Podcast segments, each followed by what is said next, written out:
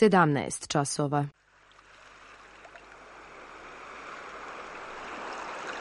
Radio Televizija Srbije.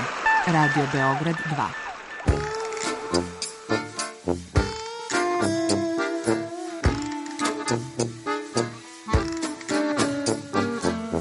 Rekli su mi, gospodine, vi ste promašili temu. Pa ja sam onda promašio život. I ne znam šta će da bude sam. Kaže, ja ne mogu više da te čuvam. Šta da ti radi, kaže, snađi se kako znaš. Mi smo kao u kafesu. Za nas to je najmrtvo. To je mrtvo za nas, naročito. Ja bih želela neko da me usvoji. Da bih želela. Govori da bih te video. Program dokumentarnog zvuka.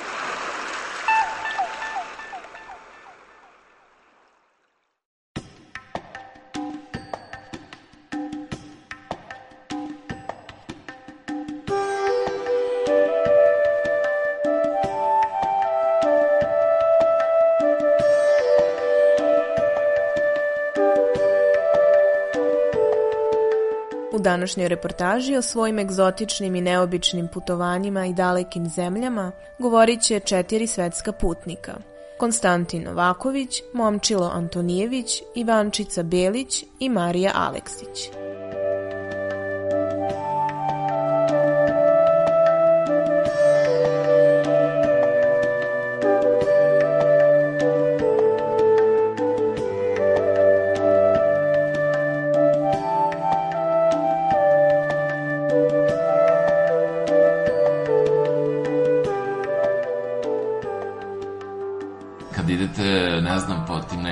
Razvijenim zapadnoevropskim ovi zemljama, prvo što ljudi mi uopšte ni, ovi nisu inspirativni, obični su, navikli su na strance i arhitektura je to što je dominantno i uglavnom su to neke neka preklapanja, neka zanimljiva svetlost, neki detalj što vam privuče pažnju, dok svako putovanje na istok i u te neke krave sveta gde putnici, stranci nisu uobičana pojava i gde imate to neko oduševljenje što je neko s polja došao u ovaj, e, tu neku ovaj, daleku zemlju ovaj, otvaraju potpuno jednu novu dimenziju putovanja gde je u stvari dominantna ta interakcija sa ljudima, tako da eto, sa, sa takvih mesta uglavnom e, donosim fotografije. Ljudi, da li, su to, da li je to neka ulična fotografija ili su to neke portreti, uglavnom volim da fotografija nije ovi nameštena, odnosno da, eto, ovi deluju spontano ili da su to ljudi koji obavljaju neke svoje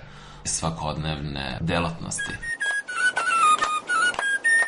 Putovanja na koje ne idem sam i ovi ne računam kao putovanja. Mislim da čovek jedino putujući samo može da se potpuno otisne i da, i da potpuno upija svet oko sebe i da se, jer vi kad ovi putujete sa nekim, vi ste uvek upućeni na tog nekog drugog ili na, na te neke druge, dok kad putujete same, vi ste potpuno otvoreni za, za sve nepredviđene promene plana, ako vas neko pozove da prespavate kod njega ili ako vas neko ponudi hranom ili za iniciranje bilo kakvog razgovora, neuporedivo je pogodnije putovati sam.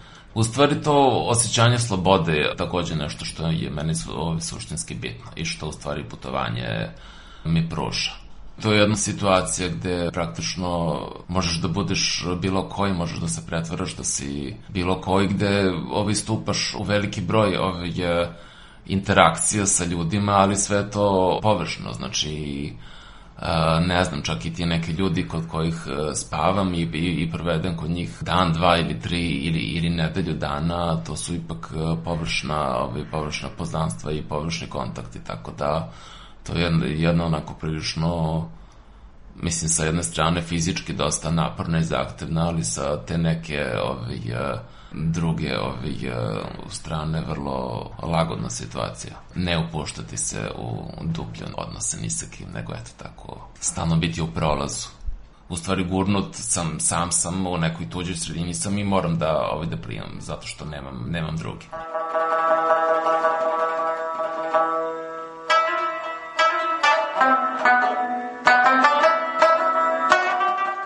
Putnik i turista razlikuju se po mnogim stvarima. Prvo, vizualno možete da ih razlikujete.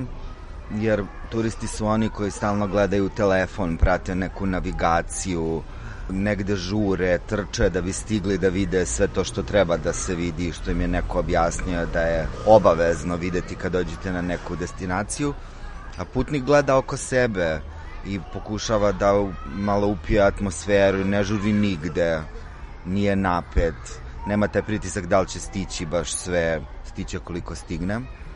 Mislim, ne treba biti ni rigidan, to bih volao da naglasim, bežati u svakom smislu od nekih opštih mesta. Mislim, prosto, vi kad odete u Rim, stvarno je, mislim, treba da vidite Koloseum. Ne treba sad kao nećemo da ga vidimo zato što je to turistička, mislim, treba se samo opustiti i raditi ono što ti prija, a ne ono što ti je neko nametnuo da bi moralo da bude. Od uvek sam gledala one prospekte, gde ću ići, kako ću ići, ali jednostavno uvek su me privlačile destinacije koje onako ne posećuje dosta ljudi. Gde si ti sam, odeš tamo i onda tu već kreće ta igra, izazov kao snađi se, kako ćeš sa aerodroma, kako ćeš tamo, kako ćeš iz grada u grad.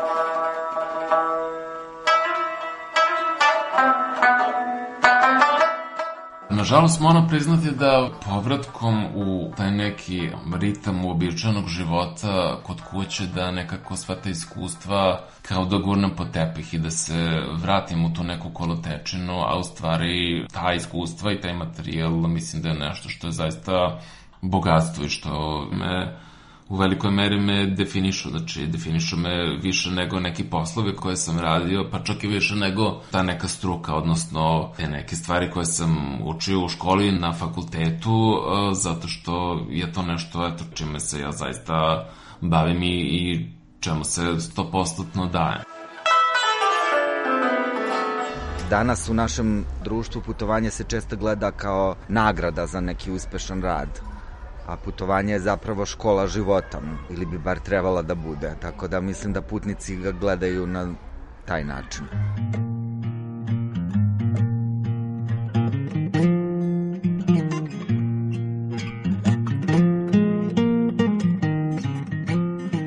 Sad ću da vidim muzej, sad ću da vidim ovaj spomenik, toga, toga nema. Znači, u zapadnu Afriku se ide, čak ne zbog safari, oni nemaju safari. Oni nemaju zebre i tako te. Oni imaju krokodile koji su domaće životinje, bukvalno, i imaju, možda nekada, imaju slonove na severu, ako ih na, navataš, eto, to je to. Znači, dan u selu bi recimo bio, ustaneš, naravno rano, magarci te probude, ali bez zezanja, i onda dok se doručkuje, on tamo, na primer, šetamo okolo, donosimo vodu iz bunara koji obično udalje, recimo, 10 minuta, 15 minuta od same kuće, od samog sela, a, onda doručkujemo i posle toga oni u principu vole da, eto, životare, da bleje. Ona tako, na primjer, odemo, meni su ta obilazili, htjela sam da vidim, ne znam, kako se pravi šiba, šiputer, pa sam onda volila da vidim kako izgledaju te biljke. Vodili su me da vidim kako izgledaju polja kaka, a, vodili su da vidim kako izgledaju rudnici zlata. Išla sam, na primjer, da vidim, mene zanima vudu kultura, da vidim, na primjer, mesta gde se, gde se vrše obredi, da čujem priče, uvek sam nekako sebi dan organizovala i obično idem sa lokacijama, jer kao što kažem, oni nekako životare, oni zaista imaju vremena, odemo tako i onda samo da vidimo okolo kako izgledaju te, ne znam, neke kućice. Išla sam da vidim, recimo, Bože gospodo, neću zaboraviti, selo u Burkini Faso, idem ja da vidim nilske konje. Majko Mila. Ono riče, znači oni toliko riču da je ono strašnije meni od lava. Oni su toliko opasni zapravo i oni kad razire na usta, ono, ono je ogromno. Sad, to je selo, bukvalno Bogu iza Tregera selo, jezero i ti vidiš da tamo recimo nekih 20 metara, ti vidiš drugu obalu. Ali oni ne mogu čamcima svojim da pređu obalu zbog nilskih konja, Zato što nisi ko može bukvalo da, da te samelje. I između oslog unutra isto imaš i krokodile, to je, to je kao domaća životinja tamo. I odem ja, nađu mi tamo nekog e, čoveka starog, da me on odvede da ja vidim nilske konje. Uđemo mi u neki čamac, majko mila, znači čamac, ono samo što se nije raspalo, mali čamac, šta ćemo radimo mi s ovim ako nas nilski konje, mislim ti ne možeš, nilski konji su jako brzi u vodi. Došli smo mi do neke granice, verovatno on zna čovek, ima on, jasno, odatle je. I on je krenuo da udara veslom o drvo, da ih iritira. Hm. Iziritirao ih je bogami i samo se prvo čula majka, to mi je rekao da je majka, jel te, i krenuo se vidi onako obrisi njeni. I onda beba. Ja on gledam, rekao, ovo ako dođe kod nas, gotovi smo. I ja sam rekao, okej, okay, wow, super. I on sad ko hoće biti da se dokaže, da mi pokaže, još rekao, neka, neka, molim, ajmo mi nazad obalu. I onda mi je rekao u selu, kaže, e, samo da znaš, slučajno ako utro budeš izašla oko 4-5, i ako vidiš nešto kolje ispred, kao nema se začudiš. Šta da radim? Pa kao noću, znači pred zoru, niski konji i krokodili izlaze. Kao, eto, ponekad ulove pile neku hranu da rađu. Ko izlazi? Kao pa niski, ko, niski konji. Rekao, ja zaključavam ovo, ja izaći neću, tačno. Kao, ako ideš u WC, pošto je sve napolju, kao da znaš. Rekao, ne, ja, izla, ja da neću piti vodu, ali ja izlaziti neću napolje, sigurno. Isto se desilo u, na primjer, jednom selu u Gani, kad sam išla s tom decom, uh, imaju rečicu, sad to su, ne znam, poljane, tamo kada je sušna sezona, tamo je sve žuto. A kada je letnja sezona, to je kada je kišna, to je sve onako pozeleni. I ja sam bila kada je bilo sušna i sad to je rečica koja je potočić. Malo već. Mi smo stalno tu sa decom prelazili, zato što ta deca idu po 5 km peške u školu. Nebitno, 5-6 godina sami jedne druge čuvaju i idu. I išla ja sa njima da vidim kako izgleda škola i sve. Nakon nekoliko dana kad sam otišla, oni meni šalju, Marija vidi, šalju mi snimak ono krokodili unutra. Šta je ovo? Pa kao ona reka, koja reka? Pa ona reka, ona reka da sam ja bila, pa da. Vi imate krokodile? Pa da. Kako pa da? Pa ko neće oni nas? Kako neće? Kažu, znači to se smatra u Gani, u tom delu, da je krokodil sveta životinja i da su krokodili i ljudi nekada davno sklopili pakt i da ne diraju jedne druge. Ja iskreno to ne bih proveravala, zaista, i kažu da se nije desilo da pojede neko dete ništa, ali opet ja u te afričke atrakcije ne verujem. Iako, na primjer, ti možda sedneš na krokodila, se slikaš i tako te stvari. Ima sve okay, ali neka. Ja sedeti na krokodila neću sigurno. Tako da da, to je na primjer bilo zanimljivo. Eto, to je selo. Sela su čak zanimljive od gradova zbog svih tih stvari koje možeš videti. Ono što ne možeš videti zapravo u samom gradu.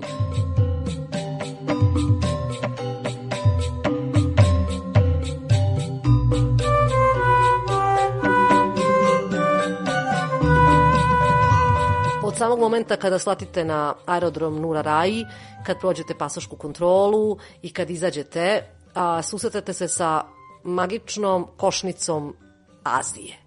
Jer prosto vidjet ćete sijaset motora koji su natovareni, čovek je nosio pokretnu vitrinu sa prodajom hrane na motoru ili vidite na motoru koji ima 50 kubika i koji da bi kod nas evo jedan čovek i vozio se, vidite celu porodicu od njih četvoro, gomilu automobila, kamiona i to sve vrvi na sve strane, zuje na sve strane, prolaze, idu, ali svi prolaze.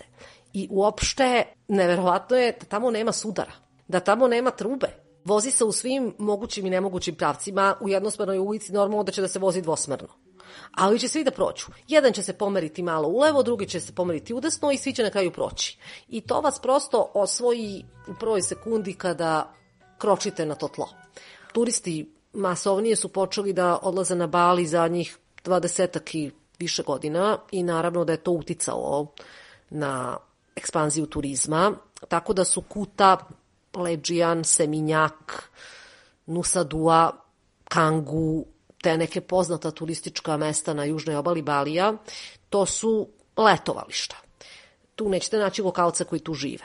A lokalci i ljudi koji rade da u hotelima, da u restoranima, da na plaži prodaju nešto, da u prodavnicama, žive u selima i svakodnevno motorčićima iz svojih sela dolaze na posao i vraćaju se u svoja sela. S obzirom da je Kuta klasično turističko mesto mi smo, pored toga da, da se ovo ne pretvori još jedno klasično letovanje u letovalištu, hteli da uđemo malo u dubinu ostrava i da vidimo šta je to što Bali još nudi pored toga. Prva tačka na takvom putu je Ubud. Ubud se nalazi u džungli i to vam je stara prestonica Balija. U svakom smislu da kažem fascinantan grad. Vidjet ćete ulice koje su široke, sa puno ljudi, gde imate i nekih starijih kamenih građevina, da imate dosta hramova, U okviru Ubuda imate 16 ili 17 muzeja. U blizini samog Ubuda to su pirinčana polja. Faktički se grad nalazi u džungli i to je jako teško opisati jer imate na jednom momentu vidite muzej, a, uđete unutra, u okviru muzeja se nalazi resort, ali par koraka dalje tu je pirinčano polje, pirinčana terasa, reka i iza je džungla. Vazduh koji osetite je zaista opojan. Nebo koje vidite je čudno A, I vidite zrake sunca koji prolaze kroz oblake, jer je nad džunglom velika vlaga. I osetite sparinu, ali osetite i da dišete punim plućima. A ti zeleni pejsaži na vas deluju nestvarno. Opet osjećate taj mir i gledate oko sebe, a pogod vam puca na 360 stepeni pun krug i ne znate gde biste pre pogledali i šta biste pre hteli da zapamtite. Opet kažem, ta boja neba je nešto što je zaista tu fascinantno. U jednom momentu je bilo jarko plavo, bez jednog oblačka i gledate zelenilo pirinčanih polja i savršenu, njihovo savršenu uređenost i te terase koje se salivaju i slivaju jedna niz drugu, a okružene džunglom i čujete u daljini huk nekog vodopada i reke, a koji ne možete da vidite od gustine vegetacije. A sekund kasnije nebo postaje oblačno, ali ne ono teško sivilo koje biste očekivali kod nas, na primer, nego jeste to sivo, ali kroz njega prolaze sunčevi zraci i ukupljeno zajedno sa tom bojom džungle daje vam upravo osjećaj da se sad nalazite zaista tu, u tim tropima.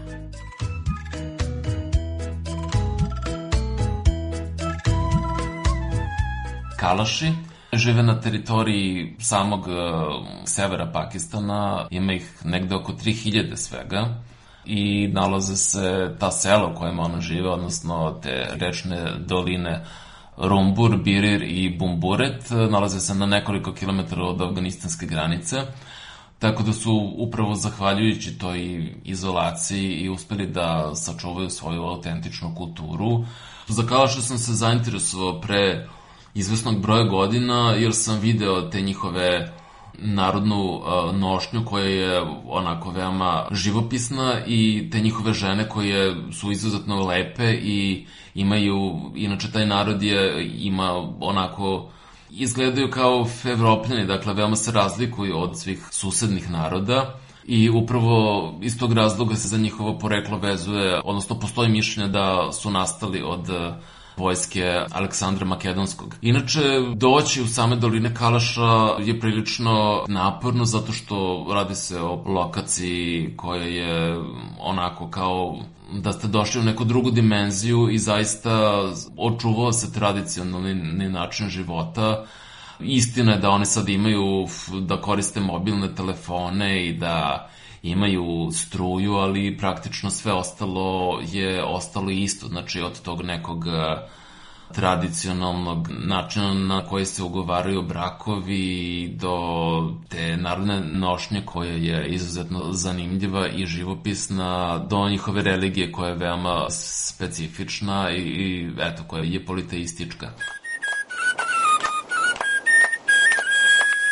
Većina fotografija koje sam napravio su u stvari napravljene krišom ili na neki spontani način. Da, srećan sam što sam uh, naišao u jednom trenutku na grupu devojčica koje su u početku bile jako stidljive, onda je jedna od njih bila voljna da pozira i onda su se sve druge ove sjatile i sve su me molile da ih fotografišem, tako da, eto, to je upalilo, a inače, onako dosta, ovi naročito žene su stidljive i ne vole, ne vole da, je, da budu fotografisane. Ja sam se trudio da dokumentujem bogatstvo te njihove narodne nošnje, njihovog tradicionalnog graditeljstva, podelu poslova, pošto oni imaju tu ovi tradiciju striktne podele poslova na muške i ženske, tačno se zna da se muškarci bave isključivo stočarstvom, a žene isključivo zemljoradnjom, Inače, Galaši su poznati po tome što njihove žene, za razliku od muslimana, imaju, imaju slobodu, one mogu najme, da napuste muža ukoliko im se ne dopada, mogu se razvesti i ponovo udati nekoliko puta, odnosno kada, ovi, kada god žele, i to se u praksi da ovi dešava da se one nekoliko puta preudaju. A takođe ne postoji purda, to jest ta, ta polna segregacija, što je inače obavezno, ovaj, naročito u severnom delu Pakistana, koji je veoma konzervativan, vi ćete ovaj, praktično veoma redko se viđaju žene u javnom prostoru uopšte, dok u dolinama Kalaša njihove žene su ovaj, bez vela i idu same potpuno slobodno. Da, evo, ovaj, sad gledamo sliku gde se vidi kako su žene zadržale uh, narodnu nošnju, koja je veoma bogata i koja čak liči na neke nošnje sa ovih prostora sa Balkana, dok su muškarci prihvatili uobičajen način odevanja u tom delu sveta koja se sastoji od pakola. To je jedna pljosnata vunena kapa koja veoma liči na antičku grčku kapu koja se zove kausija i koja se može naći na kako mozaicima, tako i skulpturama antičkim, odnosno helenističkim, da budem precizniji, i šalvar kamiz, šalvar kamiz je u stvari u prevodu gaće i košulja, znači to je jedno dvodelno odelo koje je veoma ugodno zapravo. Ja sam tokom čitavog boravka u Pakistanu, da bih bio što ne, neprimetniji, bio odeven u, u lokalnu odeću. U Pakistanu to zaista ima smisla, zato što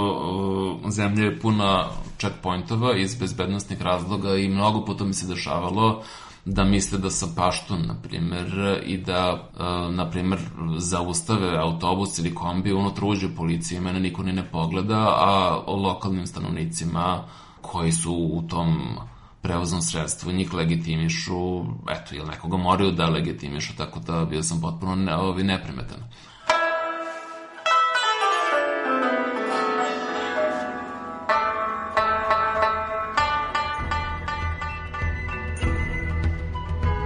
Ja sam novinar po profesiji i jedna od lepših stvari te profesije je što mi se vrlo često ukazuje mogućnost da odem na putovanja da bih pisao nekim zemljama, praktično me neko tamo odvede, pokloni mi tom i tako baš se to desilo. Ovaj, um, zvali su me kao da li si slobodan ako hoćeš, imamo jedno mesto, ti pišeš o tome, nama bi to znači. To je tako, je, tako sam otišao na Island.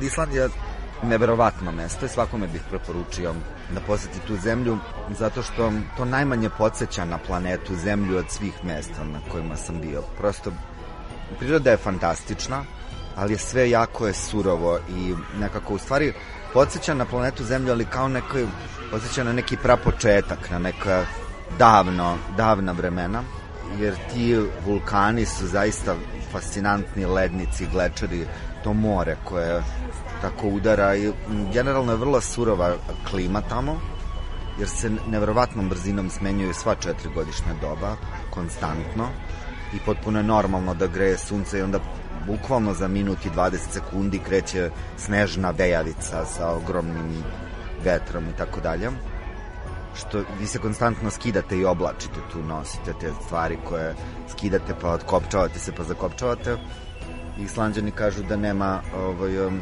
ružnog vremena, samo pogrešne garderobe, tako da su oni dobro opremljeni za te situacije.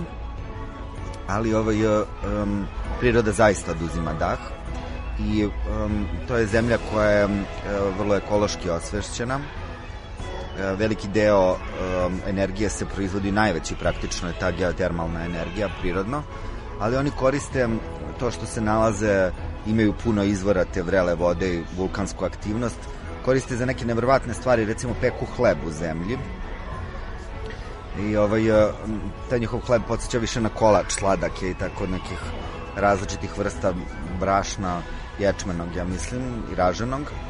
I, ovaj, e, I onda ga bukvalno stave u rupu u zemlji, to stoji 24 sata i hleb se ispeče tu.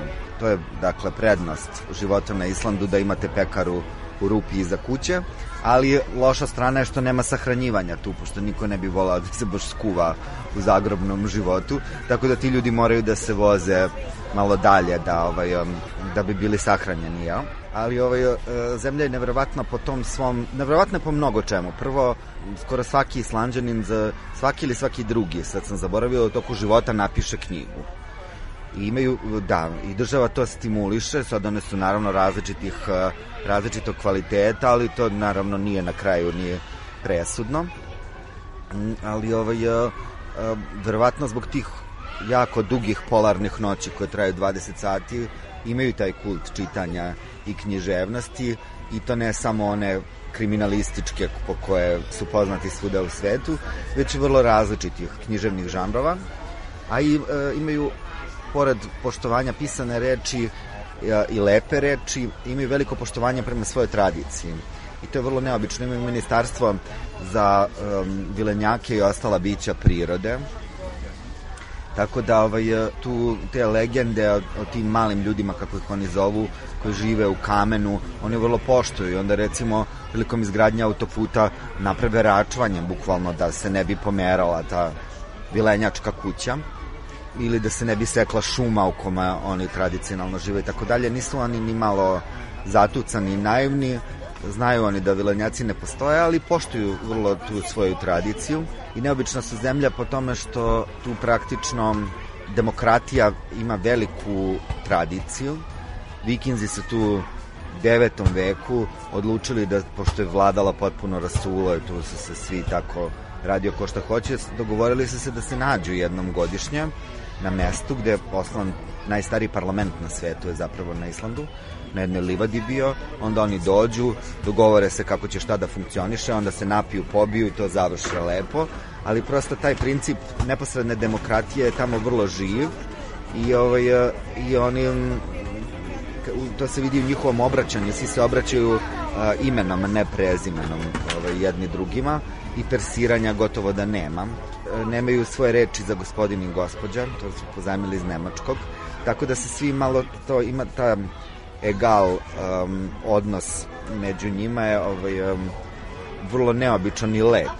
E, tako da ovaj, um, obavezno treba videti i obavezno se treba kupati u tim termalnim izvorima na otvorenom jer to je zaista neverovatno iskustvo, vi se kupate u toploj vodi i ta para se diže iznad nje, tako da vam ni glava nije izložena tom ledanom vetru koji duva i koji je napolju 3 stepena i tako to kupanje napolju dok pada sneg je zaista nešto što ću pamtiti.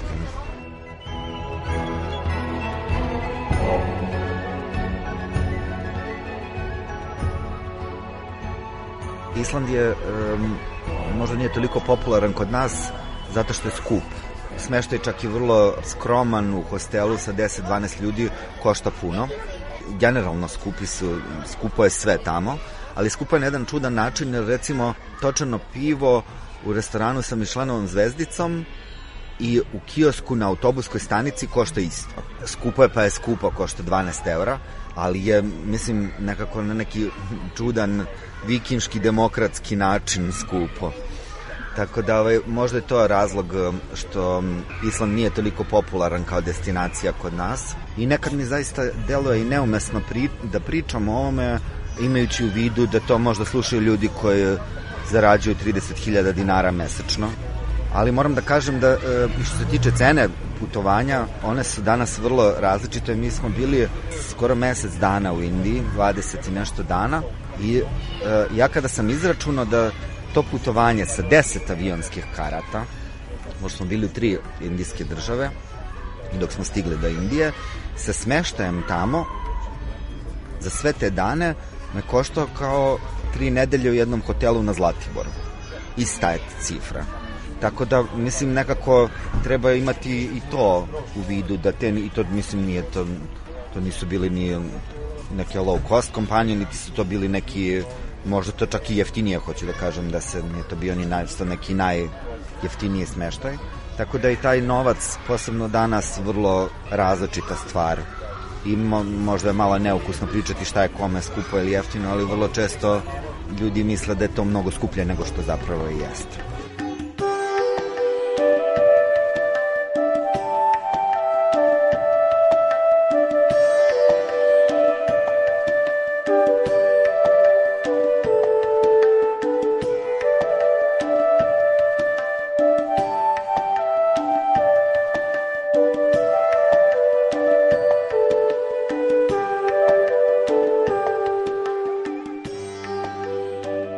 Današnjoj reportaži govorili su Konstantin Novaković, Momčilo Antonijević, Ivančica Belić i Marija Aleksić. Autor Milena Radić.